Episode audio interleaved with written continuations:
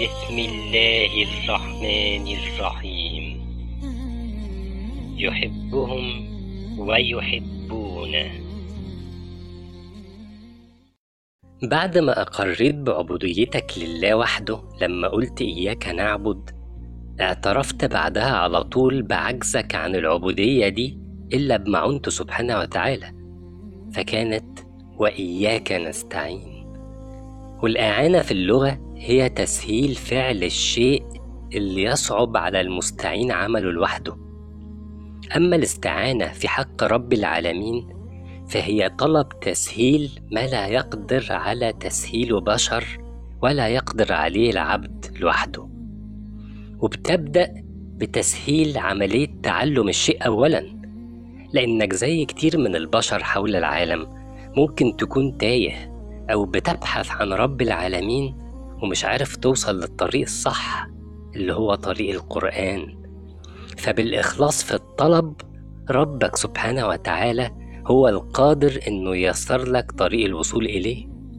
ثم بعدها تأتي المرحلة التانية اللي هي تسهيل عمل البدن بإنه يوفر لك سبحانه وتعالى الصحة اللي بيها تتمكن من عبادته وتتحمل وتواصل عبادتك وتوفير الجو والظروف المناسبة لتيسير الطاعة دي. ولو تأملت أكتر في الآية تجد إن المستعان عليه محذوف. يعني أنت اعترفت له سبحانه وتعالى بإن الاستعانة بيه وحده لما قدمت المفعول على الفعل والفاعل زي ما قلنا في الحلقة السابقة. فهنا برضو قلت وإياك نستعين. بس هنا محددتش هتستعين بيه سبحانه وتعالى وحده على إيه؟ ليه؟ تأدبا مع الله. لأنك لو ذكرت شيء واحد يبقى بقية الأشياء أنت مش محتاج معونته فيها. في حين إن الحقيقة إنك لا تقدر على شيء بدون معونته سبحانه وتعالى. حتى وإن كانت الإعانة دي في صورة صحبة صالحة امتثالا بقوله تعالى وتعاونوا على البر والتقوى يعني صحبة صالحة تعينك مثلا على العمل الصالح بس مين اللي يسر لك الصحبة الصالحة دي؟ مين اللي يسر لك التعارف والتآلف بينكم؟ مين اللي يسر لكم الوقت والصحة؟ مين اللي هداكم للعمل الصالح؟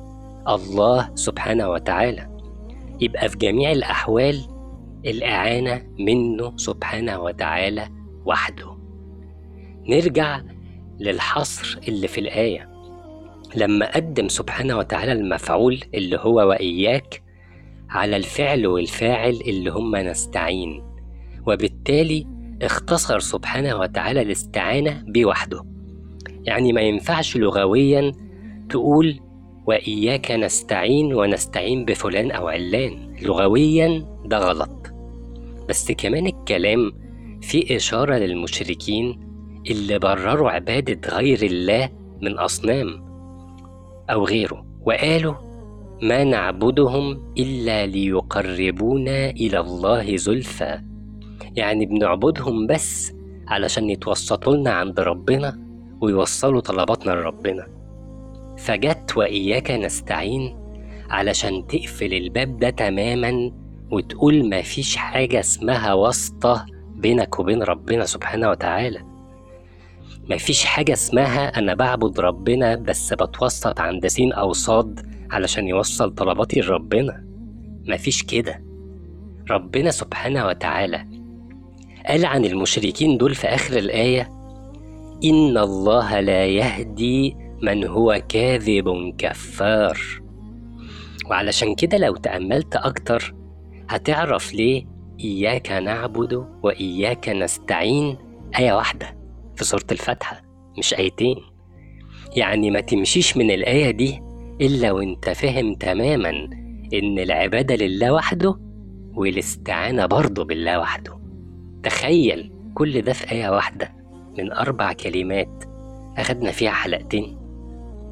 صدق سبحانه وتعالى في قوله ما فرطنا في الكتاب من شيء ثم إلى ربهم يحشرون فاللهم لك الحمد على نعمة الإسلام وكفى بها نعمة. رب اغفر وارحم وأنت خير الراحمين.